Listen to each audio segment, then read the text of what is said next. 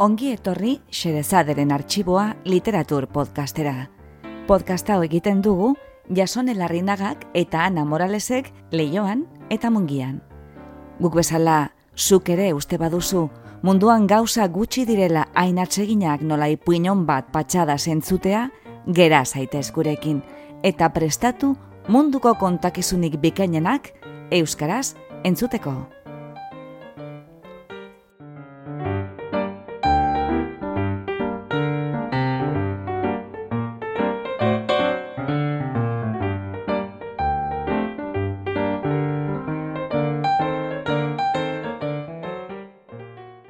Gaur, xerezaderen arxiboan, Igel Saltari. Egilea, Edgar Allan Poe. Itzultzailea, Ana Morales. Gaur berriz ere gonbidatu dugu gure lagun zahar bat gure supaster txokora, ipuin bat konta diezagun. Eta nor dugun lagun maite hori? Ba, xerezaderen arxiboa inauguratu zuen gure Edgar Allan Poe bera, detektibe historioen aitzindari eta narrazio beldurgarrien maizua. Dagoeneko entzun badituzu gure podcastean dauzkagun poren beste ipuinak, amontila upela, bihotz salataria eta putzua eta pendulua, jakingo duzu gure idazlearen berri. Labur-labur gogoraraziko dizugu, pou Amerikako estatu batuetako Baltimore irian jaiozela mila sortzireun da bederatzean eta berrogei urterekin hiltzela. Zirkunstantzia bitxi xamarretan. Mosorrotuta eta drogatuta aurkitu zuten, ustez, baitu egin baitzuten hauteskunde batzuetan botoa behin baino gehiagotan ematera behartzeko. Praktika hori, ez eizen ez ezaguna haren garaian eta ingurunean. Estatu batuetako lehen idazle profesionala izan omen zen. Poeta, kritikaria, aldizkari zuzendaria eta narrazio gilea izan zen. Detektibe fikzioa sortu zuen. Auguste Dupin gazte frantzez ezentrikoa protagonista duten hiru historio liluragarrirekin. Eta beraren bitartez, literaturara ekarri zuen arrazoimenaren bidez krimenak argitzaren kontzeptua. Gerora, Arthur Conan Doylek bere Sherlock Holmesekin hain ondo garatu zuena. Bestalde, Edgar Allan Poe literatura gotikoaren ordezkari ilustrea ere badugu noski. Bere ipuin ilun eta izugarriek ekarri diote famarik handiena.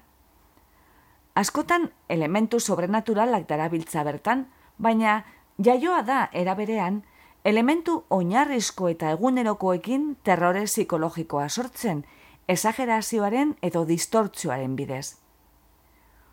Umorea ere ageri oidaren narrazioetan. Gogoratzekoa da adibidez, Museo Britaniarrean esnatzen den eta zigarro bat eskatzen duen momiaren esena. Umore hori batzuetan oso beltza izaten da, eta pok kontraste horrekin jokatzen du izua areagotzeko. Hogeta bat garren mendean, oitu gara, hainbat novela eta filmen bitartez, pailazoa izaki siniestotzat hartzen, Stephen Kingen hitz novelako Pennywise edo Batmaneko Joker pertsonaiekin adibidez. Ba, horiek guztiak baino askoz lehenago, Pou bazibilen bufoiaren figuraz baliatzen efektu bera lortzeko. Amontilado upelaren ipuinean, bufoiz mozorrotuta aurkitzen genuen, bere laguna, Veneziako soto umel batera oso asmo txarrekin zeraman pertsonaia durdu zagarria, eta haren kapeluko txilina laiek azpimarra siniestroa jartzen zieten bere patu txarreko hitzei. Gaurko ipuinean ere, bufoi bat aurkitzen dugu, bufoi guztiz klasikoa. Ez dago mozorrotuta, bere lanbideari dagokion trajea darama. Izan ere, eta hause da nobedadea edo ezoiko gauza, gaurko ipuina, pouren beste ipuin gehienak ez bezala, amandre ipuin klasikoaren tankeran aurkezten zaigu, toki eta garai legendarioetan, errege baten gortean. Errege tirano bat eta bufoi humilatua aurkitzen ditugu aurrez aurre, eta tartean, ardoa, eta soramena, eta txantxak, eta mozorro dantzaldi bat. Artu isuba maskara, zain baitaukagu palazioko aretorik dotorenean, igel saltari.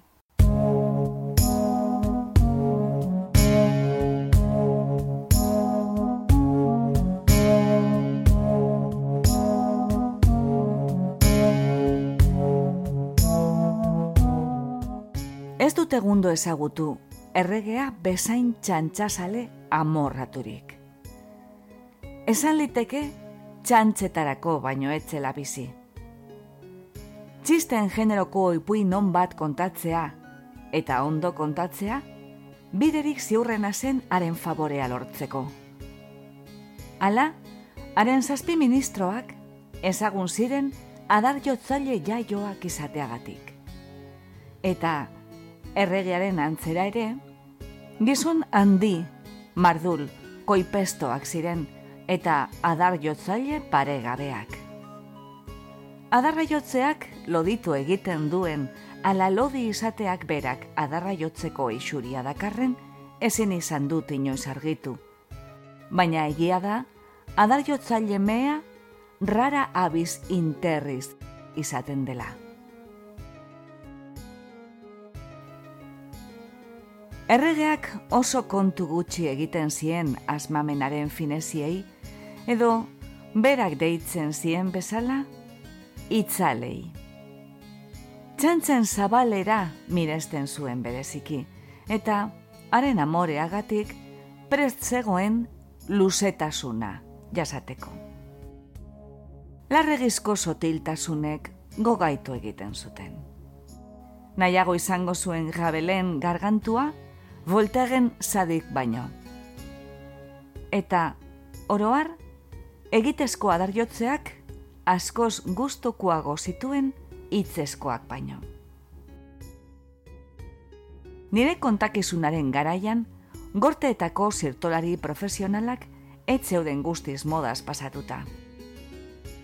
Kontinenteko zenbait potentzia handik, bazituzten oraindik ere bufoiak kolore biko trajeak eramaten zituztenak, kapela eta txintxarriekin, eta beti preste auki behar zutenak, ala espero baitzen erengandik, ateraldi zorrotzen bat hitzetik hortzera, errege erreginen maitik jausten ziren papurren eskerronez.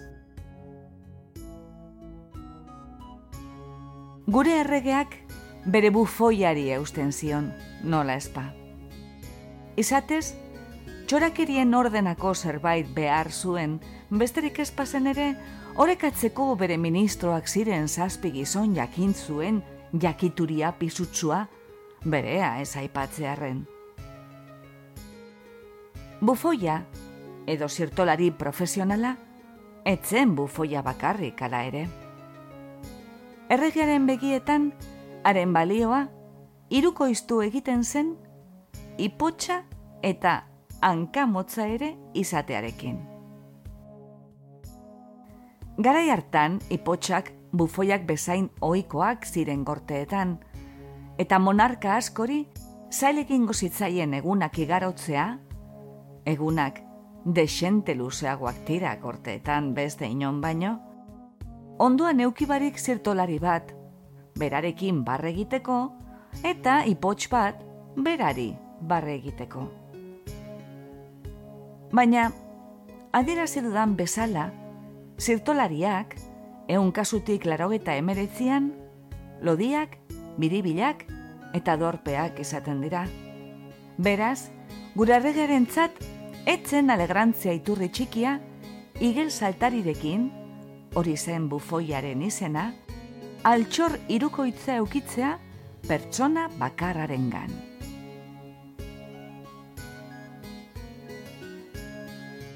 Uste dut, igel saltari izena, etzela ipotxari bere aita amabitxiek bataioan eman ziotena.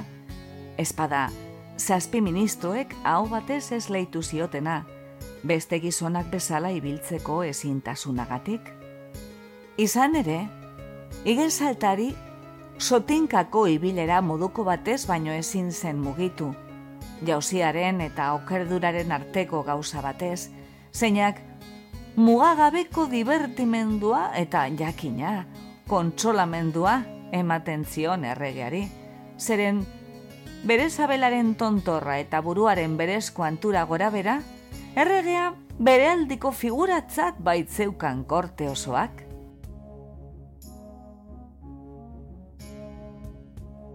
Baina, bere hanka okerrak zirela eta, igel saltari min eta zailtasun handiz baino ezin bazen ere ibili, errepide batean edo behe gainean, beko gorputza darren eskastasuna berdintzeko edo naturak besoetan emanazion giarren indar miraritzua zela bide, gai zen abilezia zoragarriko balentria asko egiteko, baldin eta tartean zuaitzak edo sokak bazeuden, edo igotzeko modua ematen zuen beste edo zer.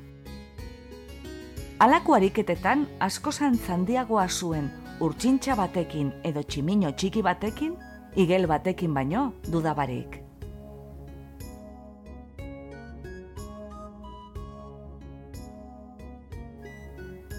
ezin dut esan zehaztasunez zein herrialdetakoa zein jatorriz igel saltari. Edo zelan ere, inok sekula entzun bako eskualde barbaroren batekoa zen, lekutan zegoena gure erregearen gortetik. Erregearen general betiere garaileetako batek, indarrez atereak zituen provintzia mugakiretako beren etxeetatik, igel saltari eta neskato bat, ipotxetik gutxiago etzuena igel saltari perak baino, naiz eta proportzio bikainekoa izan eta dantzari miragarria. Eta opari moduan bidaliak zizkion biak igel saltari eta neskatoa erregeari.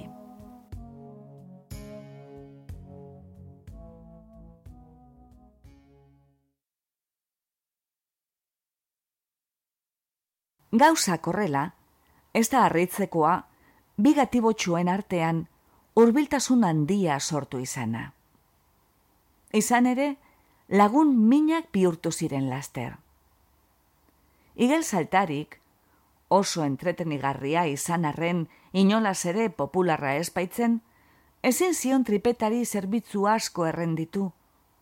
Baina neska, bere grazia eta edertasun paregabea zela eta, ipotxa bazen ere, denek miresten eta mimatzen zuten, beraz, eragimen handia zuen, eta utsegin gabe erabiltzen zuen ahal zuen guztietan, igel saltariren alde.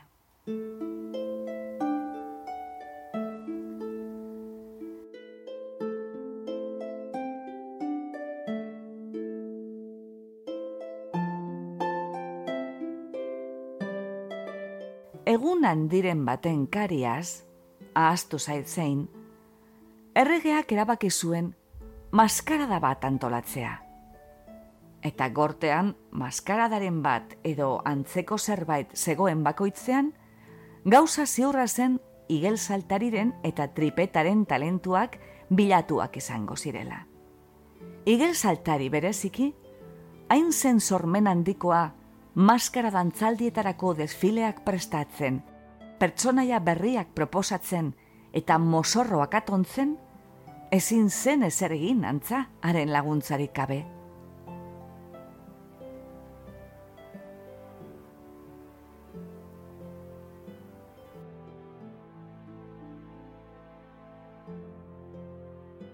Eldu zen bada, fet horretarako gaua. Areto eder bat apaindua zuten, tripetaren begiradapean, maskaradari ekla eman zezaioketen era guztietako gailuekin. Gorte osoa, sukar batean zegoen ikusminaz. Mosorro eta pertsonaiei dagokienez, denek zeukaten berea erabakita, pentsatzekoa denez.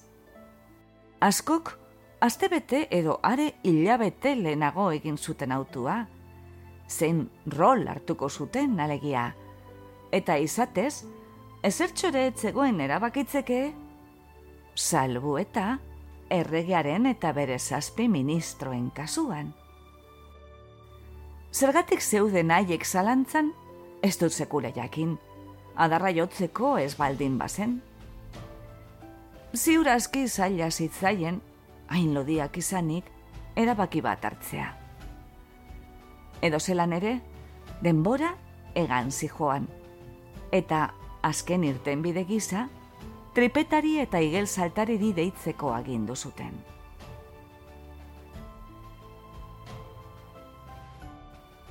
Bi laguntxoek erregaren deiari men egin ziotenean, ura bere kabineteko zazpi ministroekin aurkitu zuten jesarreta ardoa edaten. Baina monarka oso more txarrean zegoela zirudien. Bazekien igel saltari etzela ardozalea. Izan ere, ardoak bere honetik ateratzen zuen hankamotz gizajoa, zoratzera noia eta zoramena, ez da sentimendu goxoa.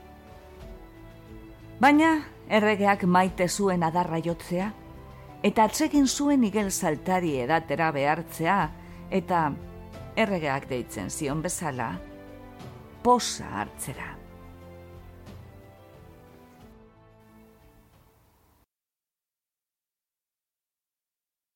Erduona, igel saltari, esan zion, zirtolaria eta bere laguna gelan sartu bezain laster. Irentzi basoka da zure lagun absenteen osatzunaren alde. Igel saltarik, asperen egin zuen hemen. Eta gero, emagozu zure sormenaren onura. Pertsonaiak behar ditugu, pertsonaiak gizona. Zerbait berria, ikusi bakoa nekatuta gaude betiereko betikotasun honekin. Erdu, edan, ardoak asmamena sorrostuko dizu.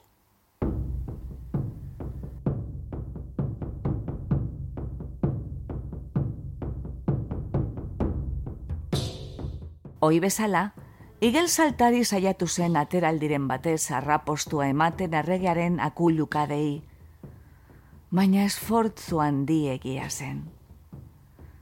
Suertatzen zen, egun horretan ipotx gaixoaren urteak zirela, eta laguna absenteen alde edateko aginduak malkoak atera zizkion begietatik. Negaran pulo handi garratz asko jauzi zitzezkion kopara tiranoaren eskutik hartu zuenean umilki.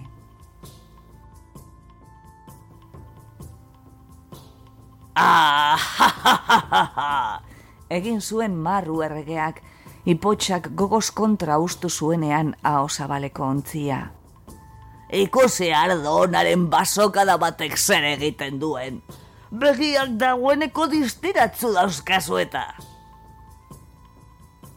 Morroi gaixoa. Distiratzu baino, nir-nirka zeuskan begiak. Izan ere, ardoak eragin indartsua bezain bapatekoa zeukanaren burmuin sentiberan. Edalontzia mai gainean utzi zuen urduri, eta inguruko eizo egin zien begirada erdi soroaz.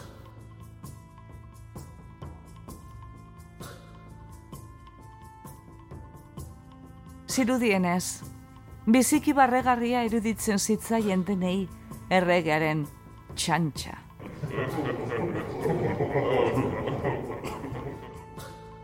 Eta orain arira. Esan zuen lehen ministroak oso gizon lodiak. Bai, esan zuen erregeak. Erdu igal saltari, egigozo lagun. Pertsonaiak, ene lagun finori. Pertsonaiak behar ditugu, guzti guztiok. Eta hori zinez txiste asmotan bota balu legez, oi hartzun egin zioten beste zazpiek erregearen barreari. Igel saltarik ere, barre egin zuen, naiz eta indarge, eta begira da galdu xamarraz.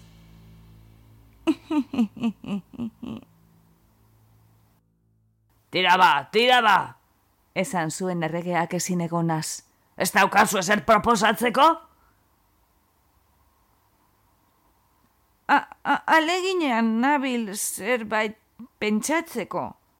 Arrapostu zion ipotxak, gogoa beste non zuela, ardoarekin nahiko nahasia baitzegoen. Aleginean!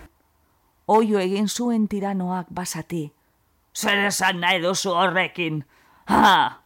Kargutzen naiz! Musinduta zaude eta ardo gehiago gura duzu. Horra! Edan! Eta edalontzia berriz goraino bete?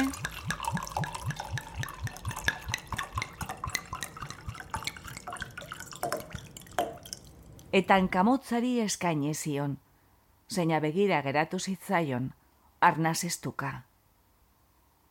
Erateko orantxe! Oio egin zuen munstroak.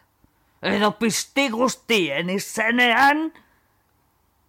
Ipotxa zalantzan geratu zen. Erregea, ubeldu egin zen amorruaren amorruaz. Gortez hauek, barretxo maltzurrak egin zituzten. Tripeta, gorpu bat bezain zurbil, erregearen jarlekura urreratu zen, eta haren aurrean belauniko, otoi eskatu zion bere laguna lasa usteko. Tiranoa begira geratu zitzaion tarte batez, harri eta zur haren ausardiaz biztan zenez. Bazirudien etzekiela zer egin edo zer esan, zelan adierazi egokienik bere sumindura azkenean, txintik ere esan gabe, indarrez bultzatu zuen tripeta bere ondotik eta aurpegira botazion goraino betea zuen edalontziaren edukia.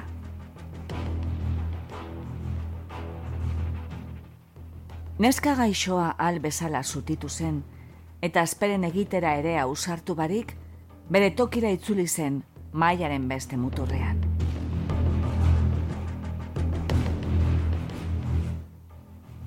Erabateko isiltasuna egon zen minutu erdi batez edo, osto bat edo luma bat jauzi baliz, aditu egingo zen.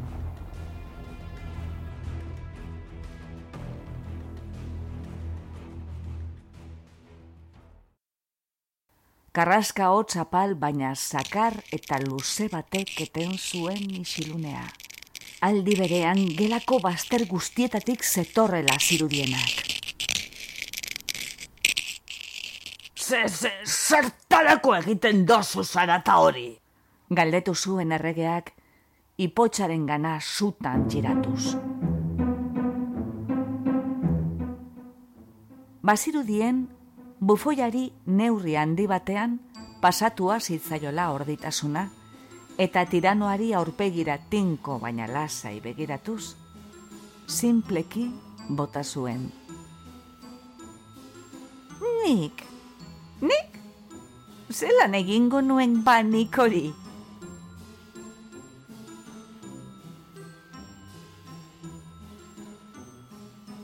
Soinua kanpotik zetorrela dirudi. Esan zuen gorte zauetako batek. Irudipena dut lehioan dagoen loroa izan dela. Mokoa kaiolako burdinen kontra zorrosten. Egia! Arrapostu zion monarkak, iradokizunak arindu handia ekarri balio bezala. Baina, zine egingo nuke nire saldun agatik, arlote honen hortzen karraskazela.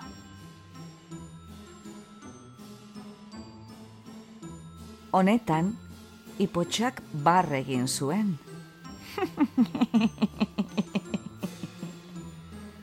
Erreak txistezale fama handiegia zuen, inoren barreari eragozpenik jartzeko. Eta barre egitean, igel saltarik hortz handi, indartzu eta oso iguingarri batzuk utzi zituen agerian. Areago, nahi beste ardu irensteko prestasun osoa agertu zuen.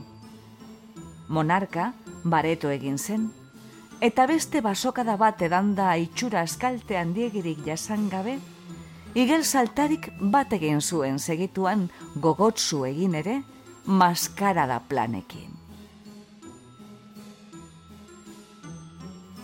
Ez dakit mm, ideien zein ustarketaren bitartez? Esan zuen patxadan diaz eta bizitza osoan ardorik dastatu espalu bezala. Ez dakit ze ideia ustarketaren bidez, baina berorren gorentasunak neska jo eta ardoa aurpegira potatakoan, justu berorren gorentasunak hori egindakoan, eta loroa zarata bitxi hori egiten zebilenean lehioan, gogora etorri zait bere biziko divertimendu bat, nire herrialdeko jostaketa bat, sarritan egiten dena gure maskaradetan. Baina hemen guztiz berria izango da. Zoritxarrez, baina sortzi pertsona behar dira eta... Hemen txegaitu zuba! Aldarri egin zuen erregeak barreka, koinzidentzia bere zorrostasunari esker deskubritu zuela eta...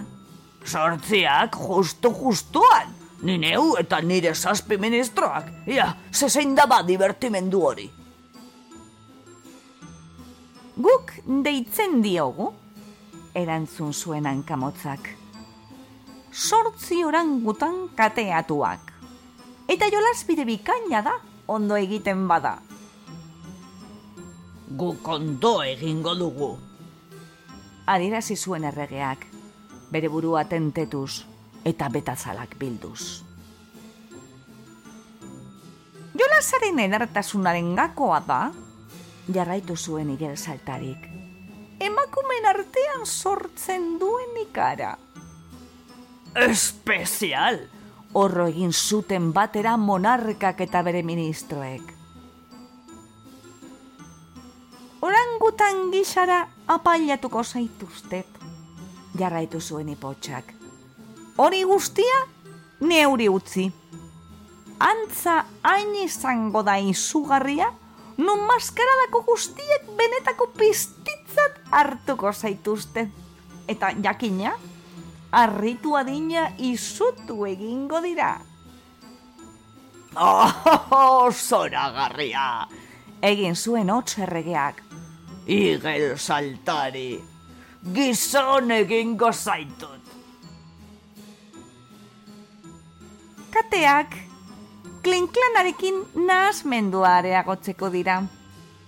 Suposatzen da, ies egin diezuela, anmaz, zuen zaindariei berorren gorentasunak ezin dezake irudikatu zelako efektua sortzen den, maskarada batean, jantzi delikatu eta ederrez bestitutako andre gizonen artean, bapatean sartzen direlarik sortzi orangutan kateatu. Jende gehienak benetako tzat hartzen dituenak, korrika eta oio basatiak eginez. Kontrastea, imita ezina da. Izan behar da. Esan zuen erregeak.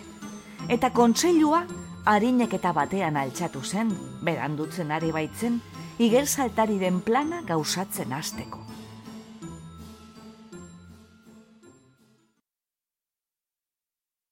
Taldea orangutan gizara apailatzeko modua oso simplea zen, baina behar bezain eraginkorra igel saltariren helburuak betetzeko.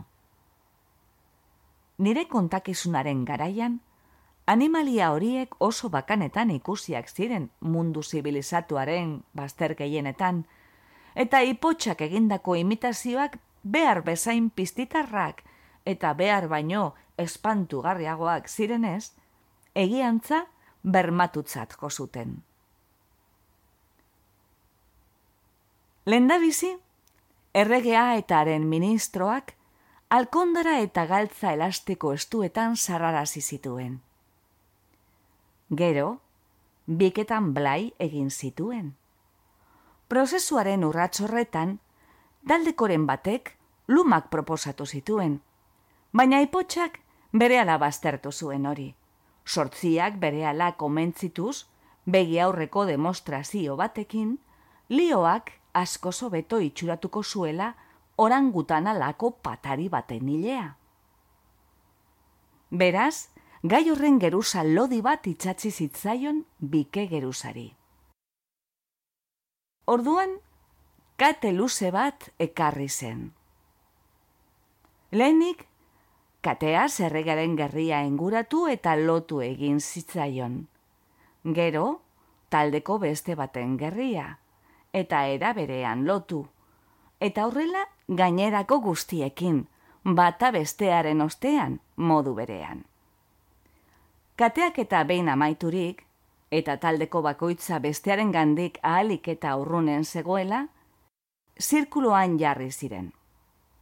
Eta denari naturaltasuna emateko, igel saltarik katearen soberako zatiaz, zirkuloa zeharkatu zuen diametro bitan, bata bestearekin angelu zuzenean. Gaur egun egiten duten legez, borneon txinpantzeak edo bestelako tximino handiak harrapatzen dituztenek. Maskara da egingo zen areto dotorea, gela biribil bat zen, oso garaia, eta zabaiko leio bakarretik sartzen zitzaion egun argia. Gauean, tokia aro horretarako zegoen propio diseinatua, aretoa kandela lanpara handi batek argitzen zuen gehien bat. Zeina, kate batetik zintzilik zegoen zabai leioaren erdian, eta jaitzi edo igo egiten zen kontrapizu baten bitartez, oikoa den bezala. Baina, bizta ez desitxuratzearen, kontrapizua kupulatik kanpora geratzen zen, telatuaren gainean.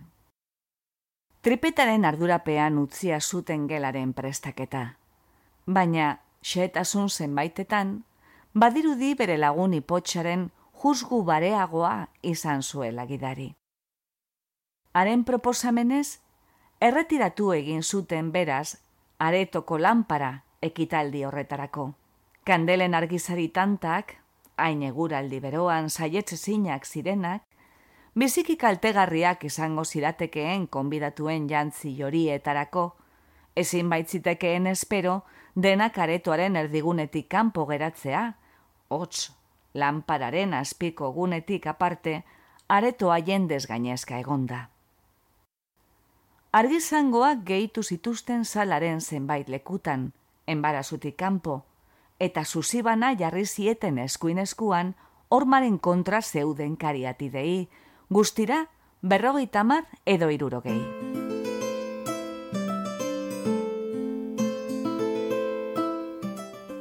sortzi orangutanek, igel saltariren jarraibide ikasu eginez, pazientzia zitxaron zuten gau erdirarte. Gela, maskaradakidez lepo zegoenean, beren agerraldia egiteko.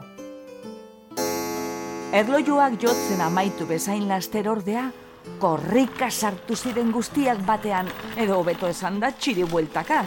Kateek traba eginda lurrera jauzi baitziren taldeko gehienak, eta denek ere estropeso egin baitzuten gelan sartzearekin batera.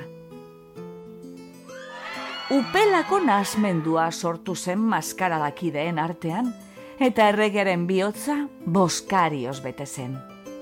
Aurre ikusi bezala, ez ziren gutxi izan, pentsatu zutenak itxura basatiko kreatura haiek, motaren bateko piztiak zirela benetan, naiz eta ez zehazki orangutanak. Andreaskok konortea galdu zuten izuaren izuz. Eta erregeak aretotik armaoro aterarazteko prekauzioa izan espalu, behar bada taldeak odola sordainduko zukeen bere biurrikeria lasterazko. Baina gauzak ziren bezala, lasterraldi orokorra egon zen ateetarantz. Erregeak ordea, agindua zuen guztiak gako zisteko beragelan sartu bezain laster, eta ipotxaren proposamenez, berari, igel saltariri alegia, utziak zizkioten giltzak. Izkanbila goren puntuan zegoenean, eta gonbidatu bakoitzak bere segurtasunari beste ezeri begiratzen etziolarik, zen eta jendetza astoratuaren bultzada zela eta handia zen benetako arriskua, lanparari normalean eusten zion katea, goian bildua zutena lanpara erretiratu zutenean, pixkanaka, pixkanaka, jaizten ikusi izango zen. Haren muturreko gakoa, lurretik iru metrora geratu arte.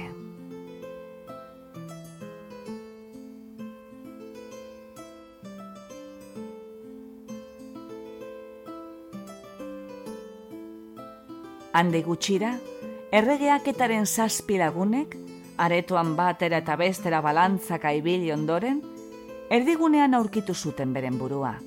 Eta, jakina, katearen ondo-ondoan.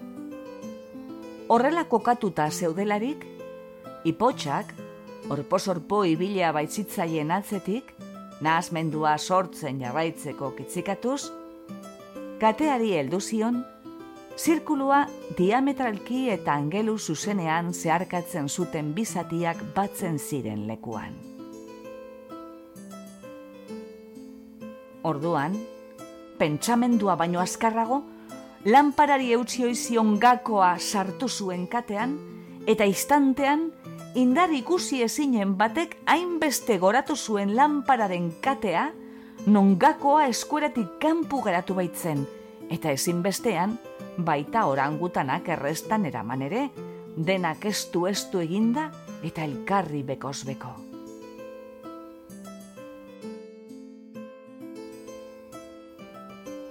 beko. Maskara dakideak, ordurako, bere onera etorriak ziren zertxo bait, eta fera guztiari ondo jokatutako txantxa baten traza hartzen hasita, barrio algara ozen bat egin zuten tximinoak ataka hartan ikusita.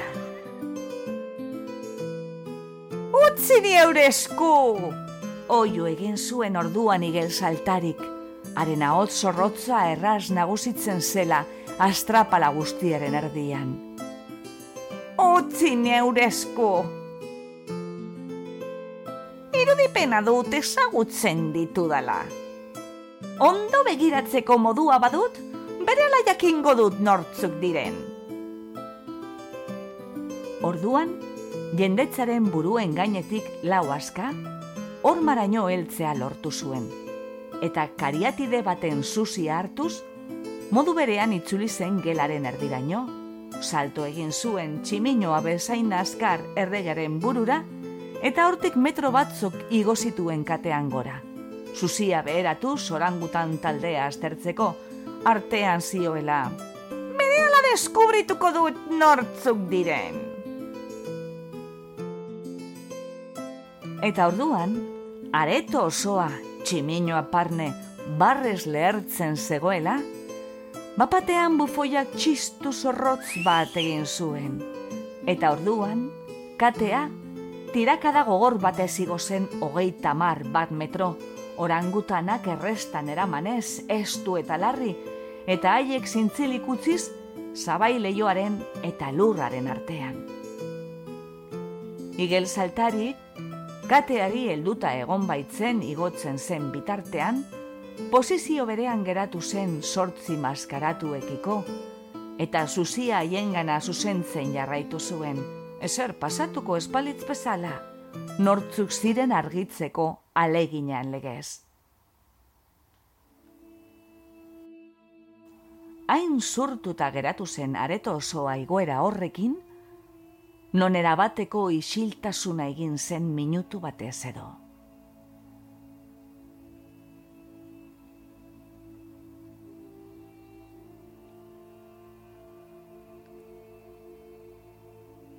Soinu apal, latz, karraskari batek eten zuen.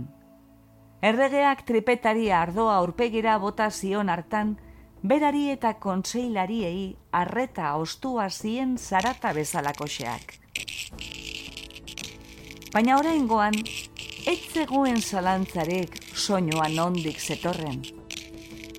Ipotxaren letagin gizako hortzetatik zetorren, haiek karraskatzen eta marruskatzen baitze bilen, ahoari bitza zeriola.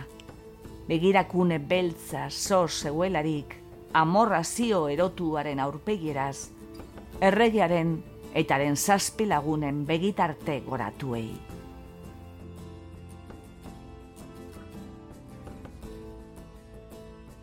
Ara!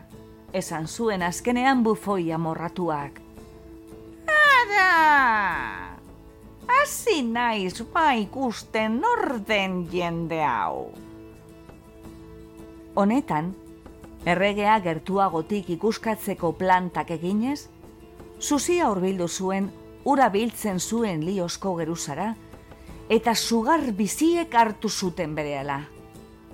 Minutu erdia igaro aurretik, sortzi orangutanak lama izugarriek hartuta zeuden. Betik aie izo zegoen jendetzaren intzirien artean, guztiak izuak jota baitzeuden, eta orangutanei laguntzarik mendrena ere eman ezinik. Azkenean, sugarren gora beharra bapatean handitu zelarik, bufoiak gora goigo behar izan zuen katean, zuak bera ez harrapatzeko eta mugimendu hori egin zuelarik, jendetza berriz ere murgildu zen une labur batez isiltasunean.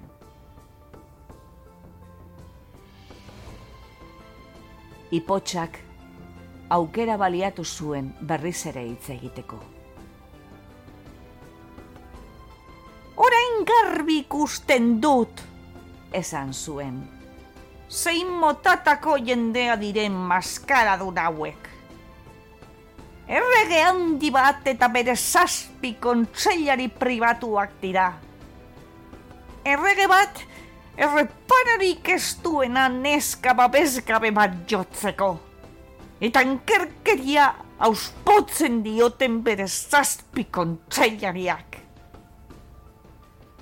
Niri dagokitan ez, igel saltari baino ez naiz, bufoia.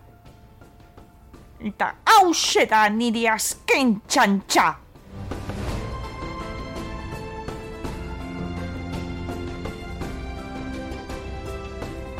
Bai lioa eta bai ura itxatxita zegoen bikea oso erregai onak direnez, ipotxak bere itzalditxoa amaitu zuenerako eginda zegoen mendekulana sortzi gorpuak bilin bolonka zeuden kateetatik zintzilik. Masak irasto, belztu, nardagarri, bere ezin bat. Hankamotzak zuzia bota zien gainera. Patxada zigo zen zabairaino eta desagertu egin zen leiotik.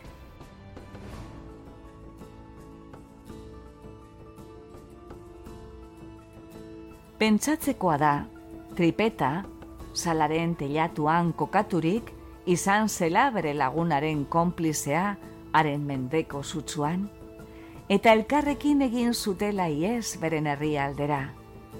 Ez bata eta ez bestea, ez baitzituen inok, sekula gehiago ikusi.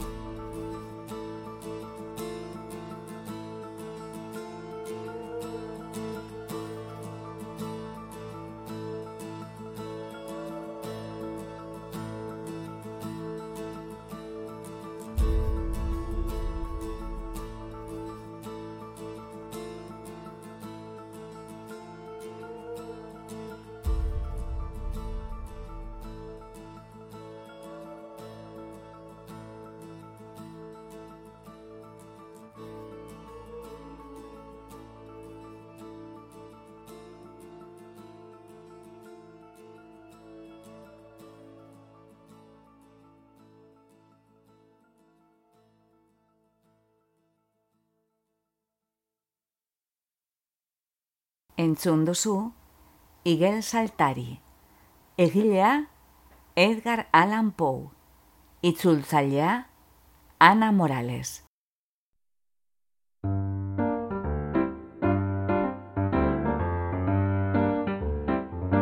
Xerezaderen artxiboko atal bat entzun duzu. Gure doinua da Charleston Behind the Attic Door, Dance of the Wind taldearena. Bizitatu gure bloga, gure audioak deskargatzeko edo online entzuteko. Iru xerezade.org Xerezade, isaz idazten da, gogoratu. Eta ezaztu iruzkinak ustea. Podcast hau egiten dugu jasone larrinagak eta Ana Moralesek leioan eta mungian. Xerezaderen artxiboko atal guztiak emititzen dira Bilboiria irratian eta Arrosa zarean. Mila esker gurera hurbiltzeagatik. Gustora egon bazara, erdu urrengo batean ostera ere, Xerezaderen artxibora. Laster arte!